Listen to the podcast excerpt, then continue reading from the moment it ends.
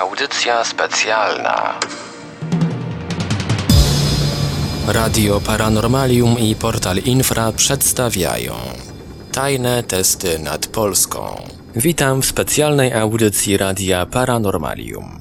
Dziś zajmiemy się tematem szczególnym. Od jakiegoś czasu do polskich ufologów napływają relacje o obserwacjach latających obiektów, które mogą, ale nie muszą być wytworem ziemskiej technologii. Czy to możliwe, że na naszym niebie ktoś testuje zaawansowane pojazdy? Czy wojsko skrywa przed nami jakąś tajemnicę? Jest z nami dziś w studio Piotr Cielebiaś, publicysta z portalu infra.org.pl, który opowie o spotkaniach z tego typu obiektami. Jest z nami także drugi pan Piotr, który w 2002 roku był świadkiem obserwacji obiektu, który... No właśnie, czy mógł to być wytwór naszej technologii?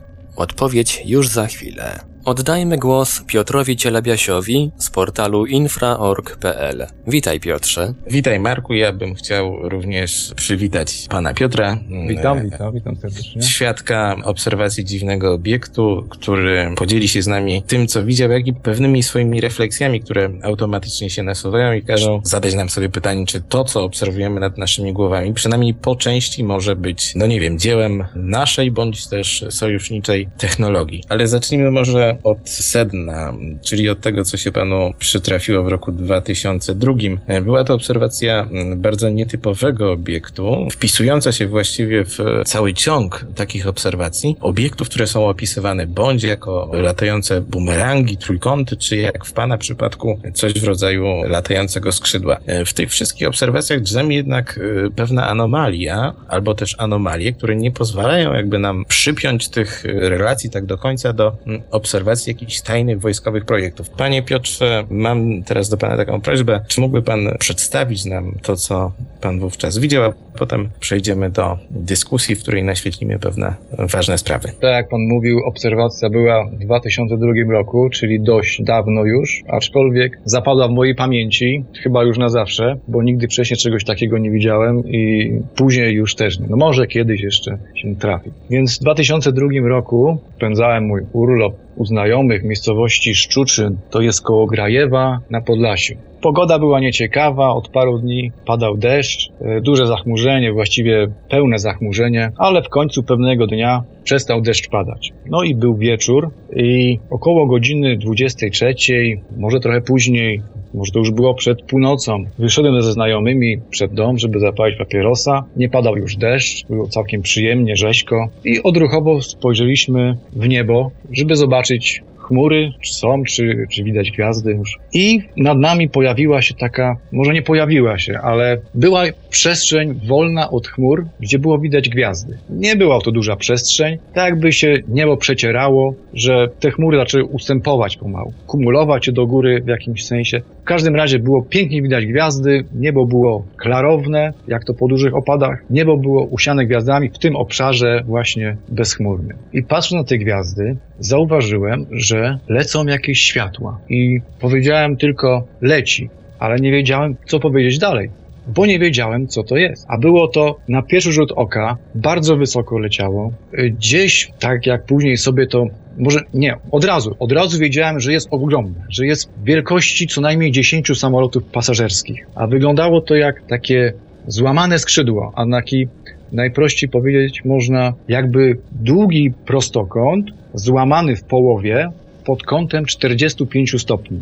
Na każdym rogu tego obiektu było białe światło, mocne, jaskrawe, jaśniejsze od światła gwiazd. Na każdym rogu. I, i y, patrząc w ten sposób, że byłem prawie dokładnie pod spodem, nie miałem y, tego, tej różnicy spojrzenia kątów i było wyraźnie widać, że wszystkie kąty w tym obiekcie są kątami prostymi 90 stopni. Więc to był taki, jak to powiedzieć, prostokąt złamany połowie, pod kątem prostym. W każdym narożniku światło, dodatkowo jeszcze na dłuższych krawędziach po dwa światła i na krótszych po jednym świetle. Wszystko było rozmieszczone symetrycznie, a wewnątrz było widać, że jest całkowicie czarny. A dlatego było widać, bo właśnie ta widoczność gwiazd była wprost idealna i ten czarny kolor całkowicie czarny, było widać właśnie wewnątrz tych świateł, a te światła jakby były takimi obrysówkami tego obiektu. Wiedziałem, że ten obiekt za jakiś czas, krótki czas zniknie w dalszej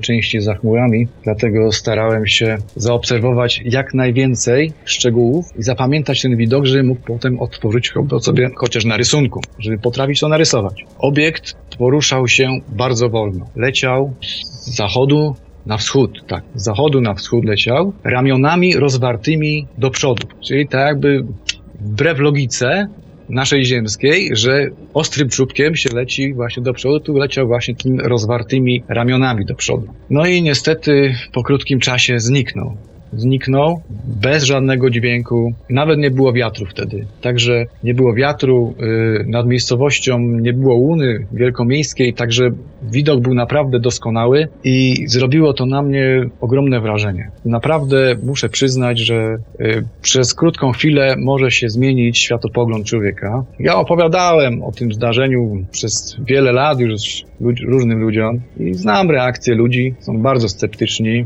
Na przykład, że to na pewno był klucz samolotu. No może i by było to technicznie wykonalne, ale pod warunkiem, że te 12 samolotów, które powiedzmy te, te, światła by oznaczały, leciałoby bez silnika i do tego musiałyby mieć rozciągnięte jakieś tworzywo między sobą, żeby zasłaniały światło gwiazd. Yy, no, życzę każdemu, żeby chociaż raz w życiu takie coś zobaczył. I nie zależy mi naprawdę na tym, żeby kogokolwiek przekonywać, że to, co widziałem, żeby mi wierzył. Mi po prostu nie zależy na tym. Ja jestem szczęśliwy, że, że mnie się zdarzyło takie coś zaobserwować, bo nie było tam żadnej jakiegoś pola siłowego. Samolot, obiekt nie wyleciał chmur, ty leciał naprawdę bardzo wysoko nad chmurami. No trudno określić tą wysokość. Trudno określić bez punktu odniesienia. Chmury były piętrzone on leciał wysoko nad chmurami.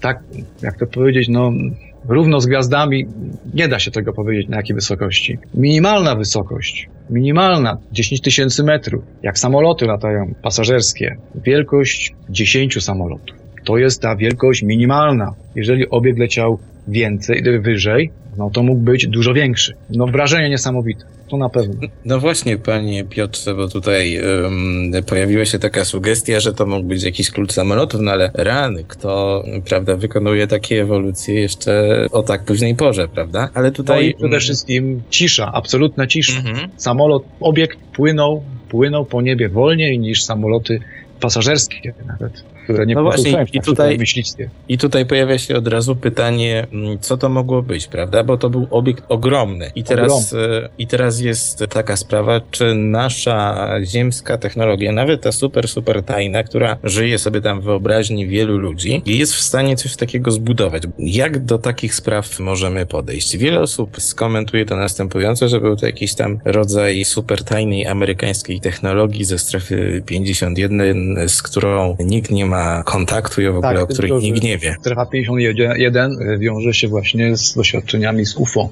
Chciałem zauważyć, więc no może no to prawdopodobny e, w związku ze strefą 51. Natomiast e, technologia tego, sposób poruszania się, brak widocznych śladów pozostawionych za tym statkiem, nazwijmy to, brak śladów silników, brak głosów, po prostu statek płynął po niebie.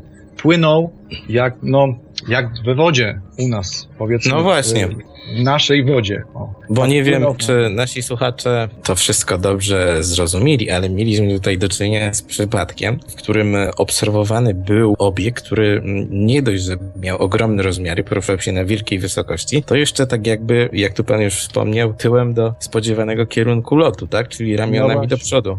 I teraz pojawia się, mhm, pojawia się pytanie, czy y, gdyby nawet ktoś coś takiego zbudował z y, tych wielkich zakładów zbrojeniowych, to czy technicznie jest w ogóle możliwe y, stworzenie obiektu, który no nie tylko, że się tak porusza, to jeszcze ma tak ogromne rozmiary, bo przecież pan powiedział, że to było minimalnie, prawda? Na tej minimalnie. wysokości 10 no, tysięcy metrów. tysięcy minimalnie. A skoro ten obiekt był tak ogromny, to no, co prawda to była nocna obserwacja i tutaj chyba będzie nam trudno podać jakieś konkretne rozmiary, ale nie, nie oszukujmy się, że to nie mogło być nic e, normalnego. Wydaje mi się, że ta e, hipoteza o tym, że tego typu obiekty, a zaraz przejdziemy do e, kilku przypadków obserwacji czegoś podobnego z poprzednich lat, jak i spraw całkiem świeżych, niemożliwe, aby to coś było wytworem człowieka. Dlatego, że. Natomiast, przepraszam, natomiast nie da się ukryć, że był to twór techniczny. Techniczny, mhm. równe kąty, równomiernie rozmieszczone światła. Kąty,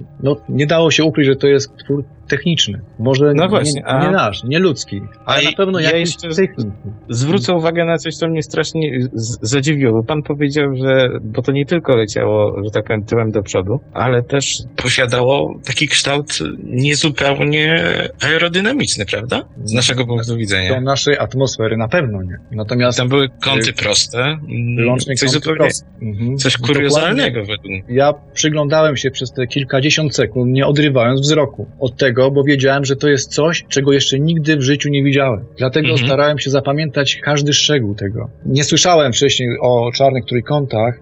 Dopiero niedawno zacząłem czytać na ten temat. To mi tak wróciło to z pamięci. Chociaż jak patrzę w niebo, zawsze mi to wraca. Czarne trójkąty, no coś w tym stylu właśnie. Tylko, że to był właśnie taki, takie złamane skrzydła. Właśnie. Jeżeli pan wspomniał wspomniał o czarnych trójkątach, to przypomnijmy może naszym słuchaczom, że yy, właściwie pod koniec lat 80. ufologia poznała pewien bardzo ciekawy typ obserwacji UFO w formie właśnie latających trójkątnych obiektów, których znakiem rozpoznawczym było to, że posiadały trzy takie intensywne światła na, na rogach oraz jedno w środku. Ale, co chcę podkreślić bardzo mocno, nasza dzisiejsza audycja ma na celu tak jakby pogłębienie tej tajemnicy, bowiem od kilku lat z Polski otrzymujemy bardzo, ale to bardzo podobne relacje na temat obserwacji UFO w kształcie mm, bądź to bumerangu, bądź to właśnie takiego latającego skrzydła, jak opisał pan, pan Piotr, bądź to trójkąta. Tylko, że w przeciwieństwie do tych obserwacji z tego 88, 9, 90 roku, e, te obiekty są ogromne. Jeżeli tam mieliśmy do czynienia z obiektami rozmiarów, powiedzmy, konwencjonalnych, tak tutaj mamy do czynienia z czymś po prostu, no wręcz potwornym, co tylko potwierdza pana relacja, ale mm, Chciałbym tutaj cofnąć się do kilku przypadków sprzed lat. Otóż y, słuchacze Radia Paranormalium oraz y, czytelnicy naszego portalu znają zapewne historię obserwacji UFO z Arhus. Została ona nam przekazana przez kobietę, Polkę, która y, mieszka w Danii. Ona twierdziła, że zaobserwowała na nocnym niebie, również wychodząc na, na papierosa, przelot ogromnego obiektu w formie bumerangu, który, jak twierdziła, posiadał od spodu światełka, jakieś tam światełka, bardzo, bardzo słabo widoczne, ale jego znakiem rozpoznawczym były nie tylko potężne rozmiary, tak przekraczające zupełnie oraz absolutnie rozmiar jakiegokolwiek samolotu na Ziemi, e, ale przede wszystkim to, że ten obiekt wydawał się otoczony od spodu jakby jakimś kamuflażem bądź e, polem siłowym. Ta relacja przypomniała nam o jeszcze jednej historii z Sandomierza z roku 2008, kiedy pewien architekt odwiedzający swoich rodziców, wychodzący z ich domu, spostrzegł na niebie coś identycznego. Przelatujący z dużą prędkością doskonale doskonale widoczny na gwieździstym niebie obiekt e, posiadający od spodu punktowe światła, który również wydawał się być otoczony takim właśnie polem siłowym. Kilka e, przypadków bardzo podobnych możemy znaleźć między innymi w archiwum e, Arkadiusza Miazgi. Tam też znajduje się jeszcze jeden przypadek prawie identyczny, czyli znowu coś ogromnego, e, znowu coś niewyobrażalnego z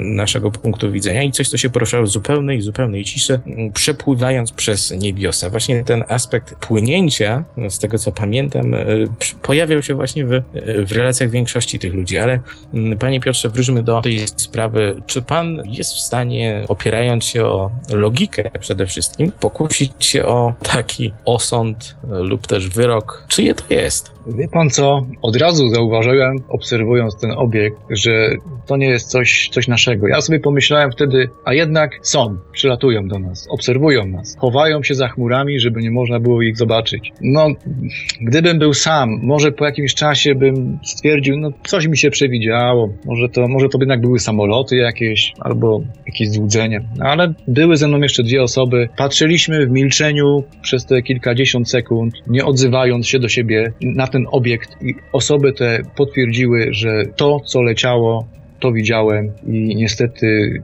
nie może to być nic innego tylko jakiegoś, jakiegoś typu obiekt latający jakiej, jakiejś cywilizacji. Jakiejś, bo no, no nie wiem, co więcej dodać mamy ten temat. E, Marku, to samo pytanie skieruję do ciebie, bo ja rozmawiając lub też wymieniając zdania z kilkoma ufologami, między innymi z Arkiem Miazgą z Damianem Trelą, który jest związany z lotnictwem zawodowo, e, lotnictwem cywilnym, dowiedziałem się od nich czegoś, co właściwie tutaj już e, powiedział pan Piotr, czyli że niemożliwe jest, aby te obiekty były w jakikolwiek sposób e, związane z testami, no, bądź to wojskowymi, bądź też trudno powiedzieć jakimi cywilnymi, czy, czy, czy możliwe jest w ogóle w twojej opinii, że takie obiekty mogą być e, do czegokolwiek wykorzystywane? Czy w ogóle mogą mieć jakiś cel nawet militarny? To znaczy ja jakoś nie, nie interesuję się za bardzo specjalnie techniką wojskową używaną przez e, armię, natomiast wydaje mi się, że raczej taki obiekt nie znalazłby militarnego zastosowania, choćby ze względu na swoje, na swoje rozmiary. Ja tutaj sprawdziłem e, rozmiary takiego na przykład Boeinga 757, żeby jakieś porównanie mieć, bo tutaj pana mówił, że obiekt był co najmniej, miał wielkość co najmniej takich mm -hmm. 10 samolotów. No wychodziłoby na to, że długość 400 metrów, szerokość 300 ileś. Taki samolot byłby bardzo trudny na pewno do manewrów. Myślę, że nie mamy takich lotnisk nawet, żeby taki obiekt mógł startować w powietrze. No właśnie, to hmm. lotnisko musiałoby być na, naprawdę bardzo duże wielkości średniej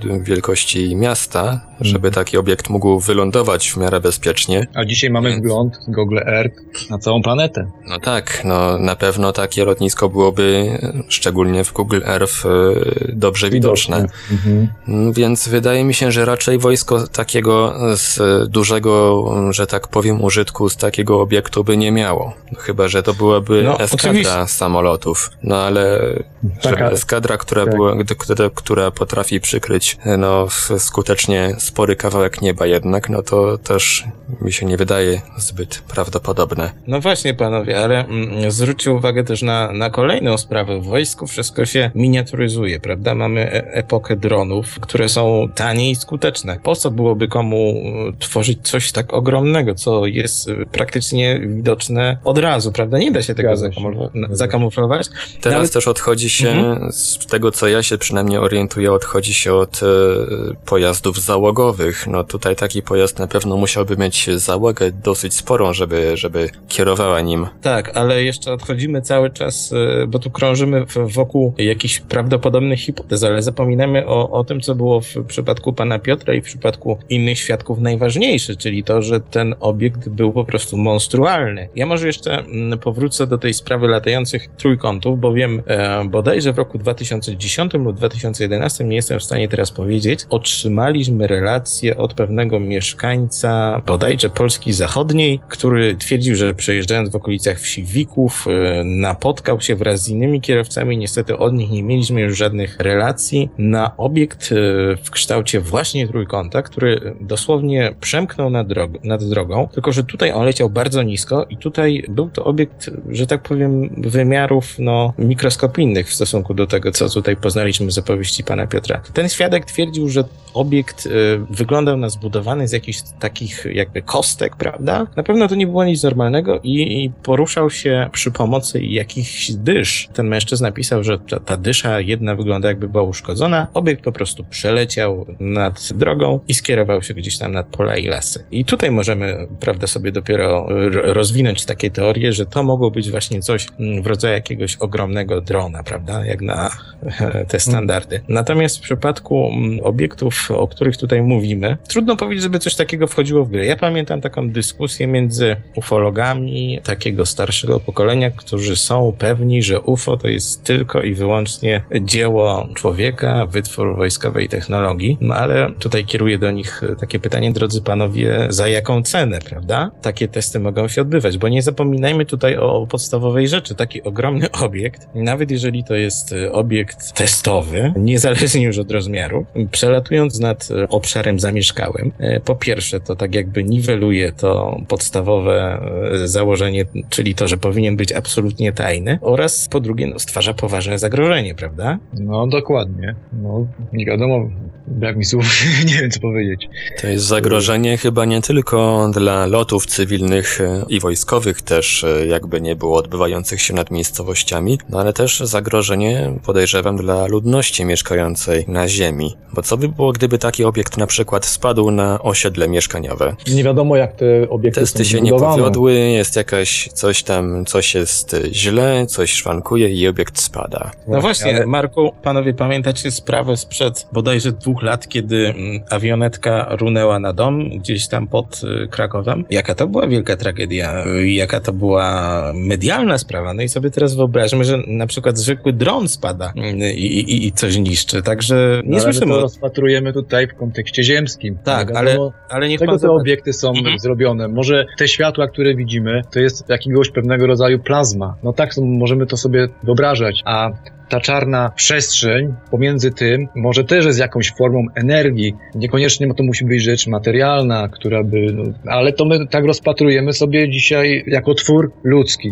Gdyby to był twór ludzki, to na pewno by nie było to takie fantastyczne, jak w tej chwili sobie to wyobrażam i sprawiałoby to jednak zagrożenie i byłoby niebezpieczne. Mhm. Ale i fizycznie niemożliwe. A jeszcze druga sprawa, o której chciałem tutaj wcześniej powiedzieć. Y, Czy słyszeliście w ogóle kiedyś, żeby dron spadł na dom? Nie, dlatego że wojsko, jeżeli tego używa, to używa tego tak, że po pierwsze nie jest możliwe, żeby ktoś to widział podczas, prawda, jakiejś tam operacji, a po drugie steruje się tym tak, żeby potem nie musieć nikomu płacić odszkodowanie i wydaje mi się, że tutaj ta filozofia użytkowania tego sprzętu po prostu zaprzecza temu, co, co znamy z praktyki. I jeszcze jedna sprawa mnie intryguje, bo tutaj, jak mówiłem, pojawiło się dużo porównań do innych obserwacji, bo to oczywiście nie były tylko trójkąty które jak przypominam były dużo mniejsze, ale to były też, to była też słynna sprawa z Phoenix z 97 roku, kiedy właśnie taki wielki obiekt według wielu e, mieszkańców e, miasta i okolic tam przeleciał, bo sprawa z Phoenix jest podzielona tak jakby na kilka etapów. Prawdopodobnie część z tego to jest, została wywołana po to, żeby tę sprawę zatrzeć i była po prostu mm, wypuszczonymi przez wojsko flarami, a część, ta bardziej kontrowersyjna, mówi o tym, że wtedy rzeczywiście nad pustynią przeleciał taki ogromny obiekt, bardzo podobny do tego, o czym pan mówi. Ale jeszcze jedna sprawa mnie intryguje, panowie. Zobaczcie, że coś takiego w zasadzie wchodzi w ziemską atmosferę lub też ingeruje w ten czy inny sposób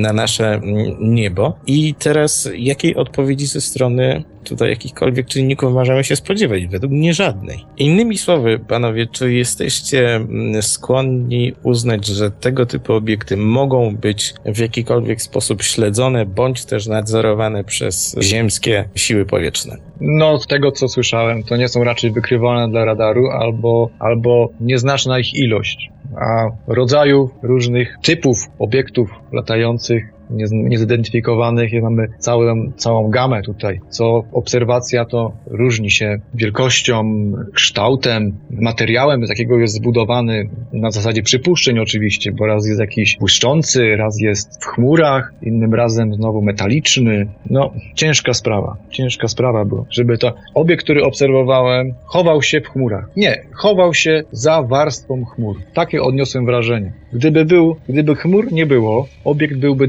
doskonale ponieważ światła były dużo jaśniejsze od gwiazd. Mm, panie Piotrze, może stwórzmy taką symulację, że gdyby pan mógł wcielić się w bohatera hollywoodzkiego filmu science fiction i w momencie zaobserwowania takiego obiektu, no jak dalej potoczyłby się ten film? Czy uznaje pan, że to coś może być y, zapowiedzią tego, że ktoś po prostu nadzoruje nas tutaj ze strony nie całkiem, że tak powiem, ziemskiej? No, są takie teorie, są, czytałem książki na ten temat, ale to czytałem niedawno. Proszę o takie osobiste odczucia.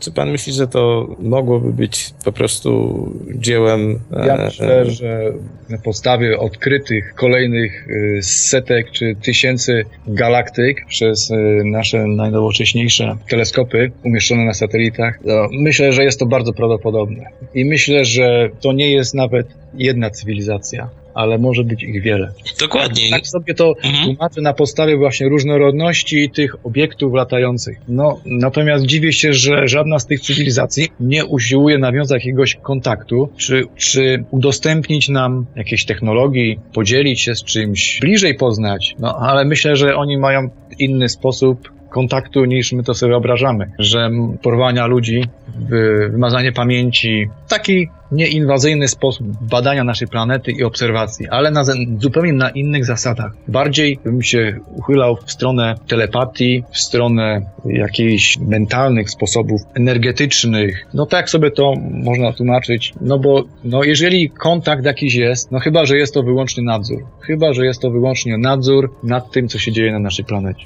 Wie pan, wydaje mi się, że tutaj chyba nie ma nawet możliwości, żeby jakaś cywilizacja, która jest starsza od nas pod względem rozwoju techniki o te tysiąclecia mogła po prostu zejść i, i, coś nam zaoferować, dlatego że nawet z naszego punktu widzenia, takiego czysto ludzkiego, byłoby to coś zupełnie niemożliwego. No, proszę sobie wyobrazić, że my teraz lądujemy mm, w Amazonii, gdzieś tam wśród jednego z tych plemion mm, pierwotnych i ofiarujemy im na przykład laptopa. I co oni z tym zrobią? Nic nie zrobią. Druga sprawa No. jest taka, mhm, druga sprawa jest taka, ale że... to niewykluczone, że miało to miejsce kiedyś w przeszłości. Tak, tak, to jest zupełnie inna sprawa, natomiast mówimy, Rysunki naskalne. Mhm. mówimy E, o, tym, o tym, co dzieje się teraz. Wydaje mi się, że ta chęć człowieka do nawiązania tego kontaktu jest przedwczesna, dlatego że być może oni po pierwsze tego nie chcą, a po drugie może mają jakieś powody. I to takie zupełnie, zupełnie zrozumiałe z naszego punktu widzenia. Po pierwsze, nie ingerować. Z tego powodu, że to wprowadziłoby w, w tym spolaryzowanym świecie jednak dominację pewnej grupy ludzi, która by była beneficjentem tego kontaktu, tak? Czyli gdyby na przykład, dajmy na to Chiny nawiązały ten kontakt i gdyby one coś sobie z tego zyskały,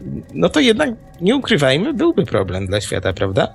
Albo gdyby inny kraj zupełnie z drugiego obiegu to otrzymał coś, że tak powiem, jaką, jakąś wiedzę, to też zachwiałoby pewną równowagę. Po drugie, myślę jednak, że nie ma po pierwsze woli e, wśród e, światowych decydentów, po drugie nie ma jednego ośrodka, gdzie by mógł taki kontakt zaistnieć, no bo gdzie tak naprawdę? Po trzecie, oni wiedzą dobrze, że ludzie są uzbrojeni. Po czwarte, fakt jest też taki, że nie wszyscy są na to mentalnie gotowi. Dlatego, jeżeli pan tutaj powiedział o tym mentalnym aspekcie kontaktu, to ja się zgadzam, tylko że on się odbywa na bardzo, że tak powiem, zasadach takich drobnych kroczków, pewnego dojrzewania do jakiejś świadomości. No i ostatnia sprawa, dam tutaj takie porównanie, no my się nie kontaktujemy z mrówkami, nie zwracamy na nie uwagi, nawet jeżeli oni, one są wszędzie, one włażą do nas, je, jedzą nam cukier, prawda? Jedzą nam cukier, a my nie czujemy w ogóle chęci ani potrzeby, żeby się z nimi komunikować, wbrew temu, że to są stworzenia, które tworzą jakby swoją cywilizację, prawda, zbudowaną z kolejnych... Ale no, nie da się ukryć, że ludzkość ma, jest daleko bardziej rozwinięta niż mrówki. To znaczy, no, ma zdolność abstrakcyjnego myślenia, a natomiast e, porównywanie do mrówek, no raczej, no, takie nie na miejscu. Ale niech pan, Ja- niech pan teraz zobaczy, że chodzi mi tutaj o cele i, że tak powiem, o możliwe zyski, które ta cywilizacja miałaby z kontaktu z nami, są po prostu zerowe. Do tego No, lepiej, lepiej, lepiej oglądać sobie jakiś rezerwat, lepiej oglądać sobie jakieś mrowisko, ale żeby się w nim, że tak powiem, babrać. Czasami włożą ten kij, prawda? I wtedy, wtedy dzieje się coś takiego, że ktoś ich zobaczy i wtedy Tak są zwany wszy- prowokujący przelot. Mhm. No właśnie, to, co, to czego pan był świadkiem. I wtedy są wszyscy wystraszeni, tak? I wtedy wszyscy o czymś mówią, ale potem znowu wracamy do, do punktu wyjścia. I wydaje mi się, że tutaj drzemie jakaś zagadka UFO w tym względzie, jakim je wszyscy rozumieją, czyli obiektów z innej planety. Bo ja osobiście sądzę, że fenomen UFO ma kilka różnych korzeni i źródeł. Natomiast oczywiście to, to najciekawsze jest związane z tym pochodzeniem pozaziemskim, bo tutaj w tym przypadku tej pańskiej obserwacji, no chyba nie możemy mówić, że to było coś zwykłego, prawda? No na pewno. To na Mhm. pewno było niezwykłe i niezapomniane. Mhm. Dziękuję panu za udział w dzisiejszej audycji, bo to jest coś, e, to jest coś bardzo rzadkiego, żeby e, Dlatego się dzielę tym obserwacją. Mhm. Świadek wykazywał tak dużą e, odpowiedzialność w zasadzie, że godzi się podzielić czymś, co mm, dotknęło na pewno też wielu innych osób. E, Może ktoś odnajdzie siebie właśnie w takiej obserwacji Dokładnie, dokładnie. się, że coś takiego było. I słuchając tej audycji, być może odpowie sobie na pytania, które sobie przez e, długi, długi czas zadaje. Także dziękuję, panie Piotrze, i mam Dziękuję nadzieję, że bardzo. to, mhm, mam nadzieję, że ta audycja e, sprawi, że pańska postawa, że tak powiem, rozmnoży się w naszym społeczeństwie i będziemy mogli dyskutować na te arcyciekawe tematy, wobec których niestety jesteśmy nadal jak mrówki z coraz szerszą grupą ludzi. Dziękuję. Dziękuję bardzo. Ja również bardzo dziękuję. W dzisiejszej audycji poświęconej w całości przelotom zagadkowych obiektów nad Polską udział wzięli Ivelios, Radio Paranormalium, Piotr Cielebiaś, współtwórca portalu infra.org.pl oraz pan Piotr, świadek przelotu zagadkowego obiektu w 2002 roku. Radio Paranormalium i portal Infra dziękuję za uwagę i do usłyszenia. Produkcja i realizacja. Portal Infra. www.infra.org.pl